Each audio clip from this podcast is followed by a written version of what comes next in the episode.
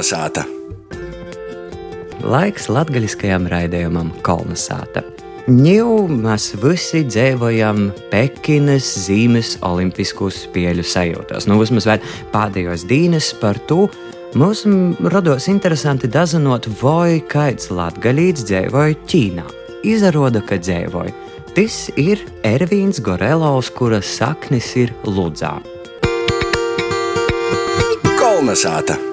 Iepriekš vairākas reizes esam runājuši ar latgaļīšiem Norvēģijā, Luksemburgā, citos zemēs uz rītumiem, taču šoreiz kaut kas interesants, jo, manuprāt, nav porok daudz latgaļīšu, kas eh, dzīvotu Ķīnā.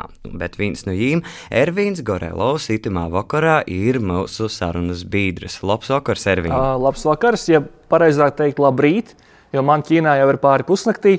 Nu, cilvēki īsti neguļ, bet nu, Ķīna jau nekad neguļ, vai ne? Tāpat es. Labs vakars. Redz, kā, kā tad tu Ķīnā nokļuvi? Laikam tā ir apstākļu sakritība un mazliet maģijas, bet es ierados Ķīnā pirms četriem ar pus gadiem, uzsākot studijas. Tā bija atkal viena sakritība, ka es nebiju plānojis studēt. Es biju tikko pabeidzis arhitektūras studijas Rīgā, Rīsebā augstskolā, un tad vienkārši radās iespēja dažādu programmu palīdzību nokļūt Ķīnā. Ierados kā students pabeidzu studijas, ieguvu maģistra grādu biznesa vadībā. Nu, jau pēdējos divus ar pus gadus daļēji piespiedu brīvprātīgā kārtā atrodos Ķīnā. Jo, nu, kā mēs zinām, ceļot īsti nav. Ir iespējams, bet tas ir padārgi un tas ir loģistisks tāds uh, muģeklis. Tad esmu joprojām te, attīstīju savu uzņēmējdarbību un, un, un darbojos. Jā. Bet par ko tieši Ķīna no nu, standartā taču izvēlē studēt? Nezinu, kaut kur Erasmus tepat Eiropā, vai nu labi, varbūt uz Ameriku, bet ne jau uz Ķīnu. Es laikam gribēju tādu vietu, kas nav aktuāla tajā brīdī, vismaz ne man.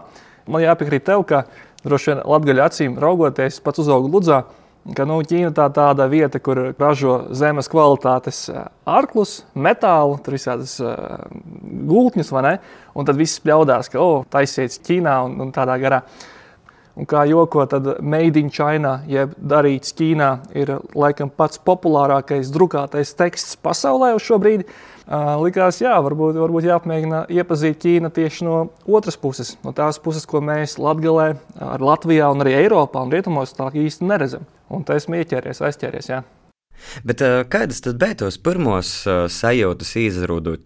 Laikam viena lieta, kas jāprecizē uzreiz, tas, ko nākas apjēgt, ka, nu, ja uzliek Ķīnas karti pa virsmu Eiropai, tad mēs iegūstam Ķīnu. Nu, būtībā Ķīna ir ļoti dažāda. Un ierodoties Ķīnā, un es precīzi ierados Šanhajā, tad tās pirmās emocijas var būt dažādas. Manā gadījumā es ierados septembrī, tad bija plus 36 grādi. Un es biju tādā pufaikā, vēl ziemas jaka man bija tā kā rokās. Es domāju, ja nu gadījumā kaut ko kaut kā. Bet nu, tālāk, protams, tā kultūra. Tas ir ēst ar kociņiem. Ķīnā tas ir pamata instruments, ar to dara visu gan ēd, gan varbūt muzicē, kolorīti un citādi. No dakšņas uz nūjiņām tas bija sarežģīts posms manā dzīvē, bet nu jau esmu adaptējies un viss ļoti labi.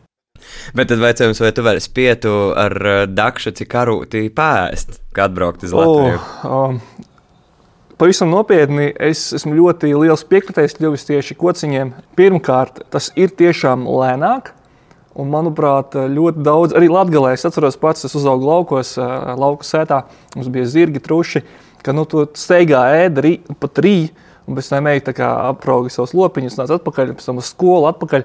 Un tad tā tāda steiga.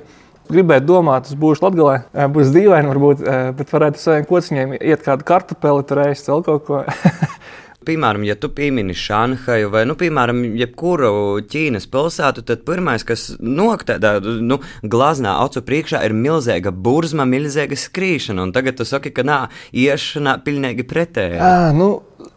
Arī taisnība. Nu, sanāk, atkal dažādas perspektīvas. Ķīnā ne visi skrien. Um, skrien lielākā daļa. Tā ir taisnība, to var novērot. Ir dažāda veida kultūras, kā varbūt slāņi. Daži cilvēki ēd, lai pāristu, lai pielietu degvielu un brauktu tālāk. Un daži cilvēki ēd, lai būtu veseli, lai enerģētiski savu to iekšējo c pabarotu, iekšējo to, to, to ķīnisko slaveno to būtību, dvēseli. Jā, nu es teiktu, 95% cilvēku tiešām skrien, izmanto karotes ļoti bieži. Man liekas, varbūt ne, ķīnieši visi ēda kociņiem, bet nē, nē, viņiem arī karotes ir tādas dziļākas. Man, piemēram, mutē sākumā nelīd iekšā, jo tā karota ir garaniska un, un no māla bieži taisīta. Tas vienkārši nu, sarežģīti. Un tagad vienkārši iemācīties, ka to jāliek iekšā, vairāk tā kā tasīti jāizmanto tā karota. Bet nu, arī ir tāda maza dzīves sīkumiņa, kas beig, beigās saliekās vienā lielā bildē, tādā kultūra šokā savā ziņā arī. Jā. Nedaudz parunājam par atšķirībām un par kultūras šokiem, bet, nu, vai, piemēram, Ķīnā kaut kas dūmošanā vai darēšanā ir tāpat kā sātā? Perfekts jautājums. Tādā ziņā, ka es pirms laba laika runāju ar savu tēvu. Un mēs tā kā pārunājām, es viņam teicu, viena no pirmajām atziņām, kas man radās jau pēc pirmā pusgada Ķīnā, tie ķīnieši, kas man ir apkārt, un es atrodos šobrīd, teiksim tā, ja mēs salīdzinām šo reģionu, kurā es atrodos ar Eiropas kādu valsti, Tad atrodos tādā ziņā Austrijā. Nu, pēc iekšzemes koprodukta. Būtībā ļoti attīstīta vieta. Ķīnieši un šie, kas ir man apkārt, kas vairāk zemkopji, jo šeit Janzī upes iztekā, tie apstākļi līdzīgi kā varbūt Latvijā, izņemot to, ka te nav ziemas. Ziemā nu, mīnus viens grāds varbūt vienreiz gadā parādās janvārī. Bet tā domāšana ķīniešu ir ļoti līdzīga, es teiktu, ne tikai latviešiem, kas ir arī dažādi, bet tieši vairāk latgaļiem. Ja mēs eh, domājam no tās pieņemšanas eh, etiķetes, tā kā cilvēki pieņem savā mājā, aicina, pabaro, eh, izstaigā, parāda savus valdījumus, tā teikt, parāda savus laukus, tā pieņemšana ir ļoti līdzīga. Un man tiešām likās tīri, ja mēs pat nerunātu, vienkārši klausītos viens otrā un ar zīmju valodu sarunātos, liktos, ka esmu Latgalē. Pilnīgi noteikti. Runājot par Latviju, es esmu dzirdējis, ka Tistovs, nezinu, vai pamatdarbs ir saistīts arī ar linu audzēšanu. Es pareizi esmu dzirdējis. Drīzāk nevis ar audzēšanu, bet ar linu materiālu izmantošanu, kā mm, varbūt nākotnes vīzija. Jo viens no uzņēmumiem, nu, dienu tepat Ķīnā, ir saistīts ar eko dizainu un tieši ar apģērba dizainu. Un tad mums tāda nozarīta tā atzars, kurā mēs veidojam dažādus no līnu materiāla un kaņepju materiāla veidotu tekstilu accessorus maidzīvniekiem, suņiem, kaķiem, tieši Ķīnas tirgumu. Lūk, Un tad uh, mēs sākām veikt izpēti un domāt, kā mēs varētu mūsu produktu padarīt vēl interesantāku, vēl um, kolorītāku, pievienot to vērtību, pielikt klāt kādu izcelsmes um, saistītu stāstu. Jā. Un tad likās, varbūt varētu Latvija kā, piedalīties šajā ķēdītē. Te gan ir ļoti daudz dažādu starppunktu. Jo Latvijas šobrīd linaudzēšana kā tāda, kā zinām, Latgale ir bijusi ne tikai zilo ezeru, bet arī zilo linu zeme pirms simts gadiem. Un pat pasaulē bija numur otrā, laikam pēc eksporta apjoma linu tieši audzēšanā. Taču mūsdienās tas varētu nav tik populāri un, un, un radās tāda maza doma, varbūt, varbūt to stāstu var pamēģināt. Taču esmu uh, objektīvs un, un es saprotu, ka ne viss, kas ir zudis, ne visu var atjaunot, ne visu ir jāatjauno. Varbūt ir kādas lietas, ko mēs varētu aizgūt viens no otra šajā gadījumā Ķīna no, Latgales. Jo pati Ķīna kā tāda ir šobrīd pasaulē lielākā importētāja tieši linu, gan auduma, gan, kā tas saucās latviešu, raw material, izēju materiālu, linu izēju materiālu, kā pēc tam veidot tekstilu un dzīvi. Importētāja Ķīna ir pasaulē lielākā. Vairāk nekā puse visa pasaules linu nonāk Ķīnā. Pēc tam jau tālāk audums nonāk Bangladešā vai citās valstīs, kas jau veido jau kādus dizaina elementus. Tātad Līnija ņepistis, kas nu, teiksim, Latvijas brīvvalsts laikā, pirmos brīvvalsts laikā ir bijis Latvijai cīši svarīgs, šobrīd ir Ķīnai cīši svarīgs. Ja? Jā, Ķīna laikam nav muļķa tādā ziņā. Viņi saprot, ka šis produkts varbūt ja ne pašiem ķīniešiem, tad ir svarīgs citām valstīm. Tad Ķīna izmanto savu iespēju ražot vairumā un varbūt tādā veidā arī mazliet traucē maziem uzņēmumiem, jo tad cena tiek nolaista lejā. Un tā jau ir ekonomika un vispārējais. Tā ir, tā ir liela iespēja, un ar pievienotās vērtības palīdzību arī Ķīna ir apjēgusi un jau vairākus gadus patiesībā strādā pie dažādiem ekoloģiskiem risinājumiem. Jo plastikā tā mm, tekstilu arī nevienmēr var pēc tam pārsādāt vispārējo, un Ķīna kā liela patērētāja valsts šobrīd ir apsteigusi Ameriku kā patērētāja iekšzemes, tad Ķīnai arī svarīgi rast ilgspējīgus risinājumus. Tā skaitā apģērbam, tā skaitā dažādiem accessoriem, elementiem. Un līnijas kaņepes ļoti labi materiāli. Aug griezdamies šī industrija Ķīnā. Kad tu saki, ka tu noc, nu, labi, sāksim no Latvijas, un tad tālāk no Latvijas.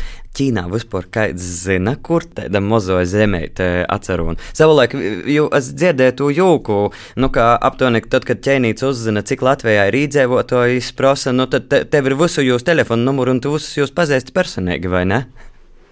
Vēl viens joks ir, ka ķīnietis jautā, cik jūs divi miljoni, à, un kurā hotelī jūs apstājāties, kurā vietā jūs varat atrast.